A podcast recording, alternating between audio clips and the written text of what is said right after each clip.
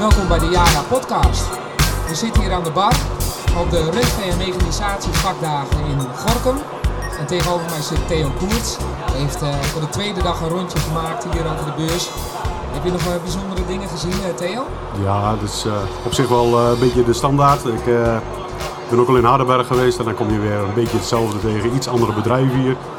Maar altijd weer gezellig. En ook weer heel veel oud-collega's. Ik heb ook een aantal jaren in Brabant gewerkt. Dus ik kom ook weer heel veel echt oude bekenden. En dan moet je nog eens nadenken van... ah, ja, die zou ik moeten kennen. Dat gezicht, dat ken ik. Nu de naam er nog bij en dan, ja, dan, dan valt het kwartje. Maar het is wel, eh, is wel lastig. En hetzelfde heb ik ook met boeren. Ik was ook met... eh, Afgelopen week een paar, eh, heb ik heel veel boeren gebeld. En toen kreeg ik ook eentje aan de lijn waar ik vroeger, 25 jaar geleden, advies gaf op het bedrijf. Ja, dan moet je wel nadenken. Oh ja, wie heb ik nu aan de lijn? Oh ja, ja, ja dat is die en die. Ja, dat is, ben ik niet zo sterk in. Dat is niet mijn eh, sterkste kant. Maar het is wel gezellig, toch? Zo, Het is een gezellige, eh, gezellige beurs en eh, ja, leuke dingen gezien. Eh, onder andere heel mooie kunstbestrooiers. Ik zag ze ook, ja. Ja, poel. Dat is echt, eh, echt leuk spul. Dat, eh, daar kun je echt eh, je rendement verbeteren op je, op je, op je grasland. Ja, dat, die dingen zijn ook best wel eh, prijzig. ja, Hoe haal je nou het meeste rendement uit zo'n kunstmeststrooi? Nou ja, het, rendement haal je eruit. Je, je bent bezig met een, met een duur apparaat aanschaffen. Dus je koopt iets. eh, Je bent eh, echt, echt veel geld kwijt. En dan komt de laatste 30 meter, zoals mijn collega ooit wel eens zei, de laatste 30 meter, dan wordt er een product ingestopt wat eh, niet zo goed van kwaliteit is. Want dan wordt er op de laatste euro bespaard. Dus dan ga je over korrelkwaliteit, over gruis, over alle andere zaken, over blends. Je wilt graag elk eh, voedingselement op elke plek hebben. Dus eh, als je er eh, stikstof, eh, zwavel en eh, selenium in hebt zitten, wil je ook op alle plaatsen op je veld hebben. En niet in de sloot. Dat is ook nog wel heel belangrijk. Dus het investeren in een goede kunstbestrooier betekent ook dat je investeren moet in goede kunstmest. Die gewoon voldoet aan alle eisen, die goed te verstrooien is, waar je geen strooibanen van krijgt, waar je geen ontmenging van krijgt, waar het gruis niet uitvliegt, waar geen stof vliegt eh, overal rond. Dus dat is wel een hele belangrijke. Goede strooien, maar ook goede kunstmest erbij. We zitten nu eh, aan het einde van het jaar. Eh, het voorjaar eh, longt alweer, als we dat zo mogen zeggen.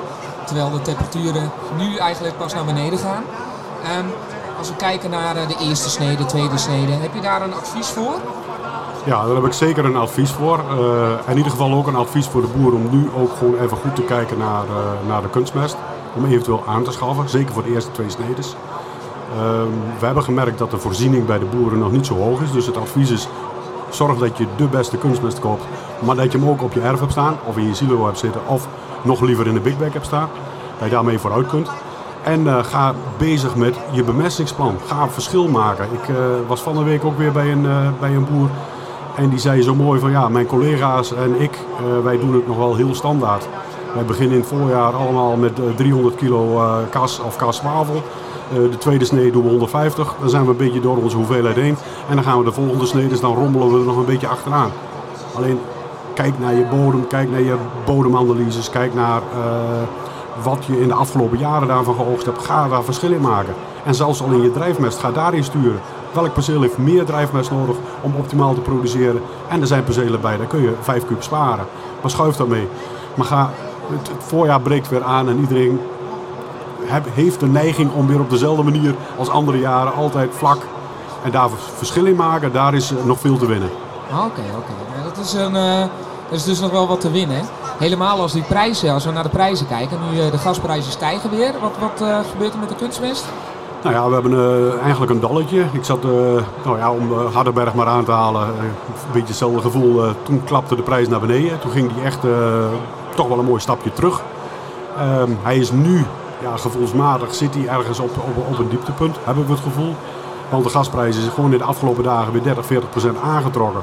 Ja, dat, dat heeft toch wel invloed. Dat heeft zeker op, eh, op, een, eh, op een tonnetje kalkamon. Er gaat toch 300 kub gas gaat erin. En 300 kub gas, dat heeft nogal wat op de kostprijs eh, heeft dat invloed. Dus daar, mm, ja, op dit moment denken we dat die prijs eigenlijk een beetje op zijn dieptepunt zit. Hou me niet, of pin me er niet op vast. Eh, ik heb geen glazen bol, maar wij kijken gewoon puur van wat zit er in de markt. Hoe ziet het eruit? Wat zijn de kosten? Nou, gasprijzen gaan naar boven. Ja, dan eh, kan er maar één ding betekenen dat eh, de kunstmestprijs erachteraan gaat. Omdat de grondstof toch behoorlijk veel afhankelijk is van het gas. En waarom niet voor ureum kiezen? Nou, het verschil met, uh, met, met ik had net ook een leuk gesprek met een van de mengvoerleveranciers. Ja, ik uh, doe toch maar uh, met ureum bemesten, want daar heb ik goede ervaringen mee. Dan krijg ik gras wat steiler staat. Ik zei nou, waar zit je? Ja, ik zit op veenweidegebied. Nou, heel mooi. Ik zeg op veenweidegebied, als je daar nog eens begint met, in plaats van die 300 kilo Kalkamon, is 200 kilo te gooien. Ga eens die 100 kilo besparen op die eerste snede dan krijg je precies hetzelfde gras. Dan heb je al behoorlijk bespaard op je kosten. Want dan heb je toch al een behoorlijke besparing.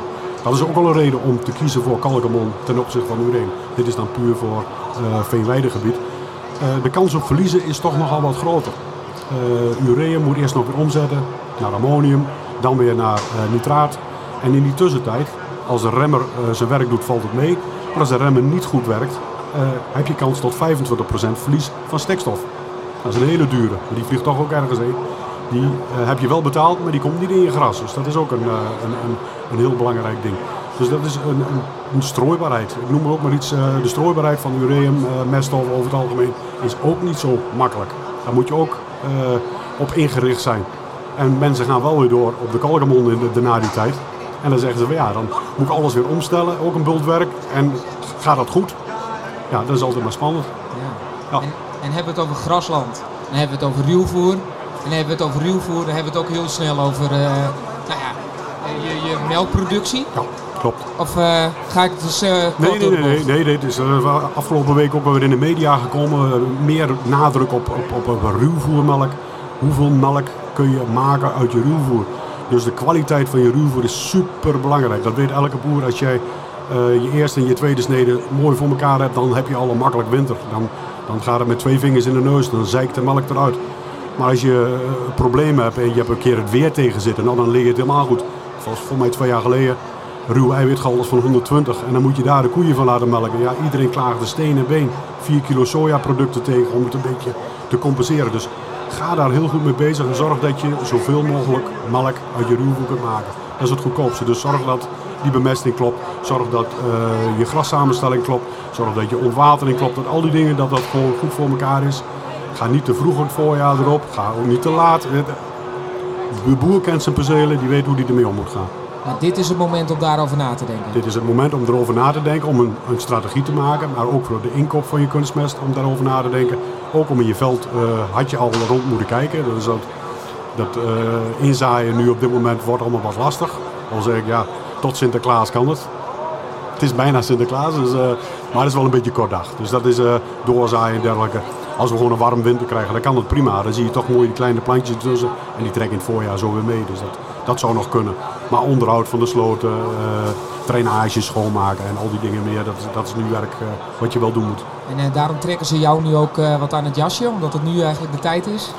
Nou nee, ik heb, ze, ik heb ze meer aan de lijn over wat gaat de prijs van kunstmest doen. Dat is toch wel een hele spectaculaire altijd. Dus, daar bellen heel veel mensen mij toch wel over op. Van Theo, wat moet ik doen, wat moet ik doen? Dat, daar, daar geef ik dus mij gewoon mijn advies op. Koop gespreid in. Ga niet wachten tot het laatste. Want als de wind uit het zuiden komt en het is maart, hebben we in één keer een heel vroeg voorjaar en dan krijgen we al het spul niet meer op de plek. Dus koop gespreid in of koop nu in. Maar zorg in ieder geval dat je voldoende voorraad hebt om die eerste snede door te komen. Dat is gewoon belangrijk. Die kunstmestprijs houdt mensen bezig. Dat zien we hier nu ook uh, om ons heen, uh, hier op de beurs. Ja. Er zullen vast straks wel wat mensen zijn, denk ik, die jou nog even aanspreken ja, over, uh, klopt, over dit klopt. onderwerp. Nou, en ik ben, maak mijn rondje ook langs onze handelaren en daar praat ik ook met die mensen. En daar hoor ik dezelfde geluiden.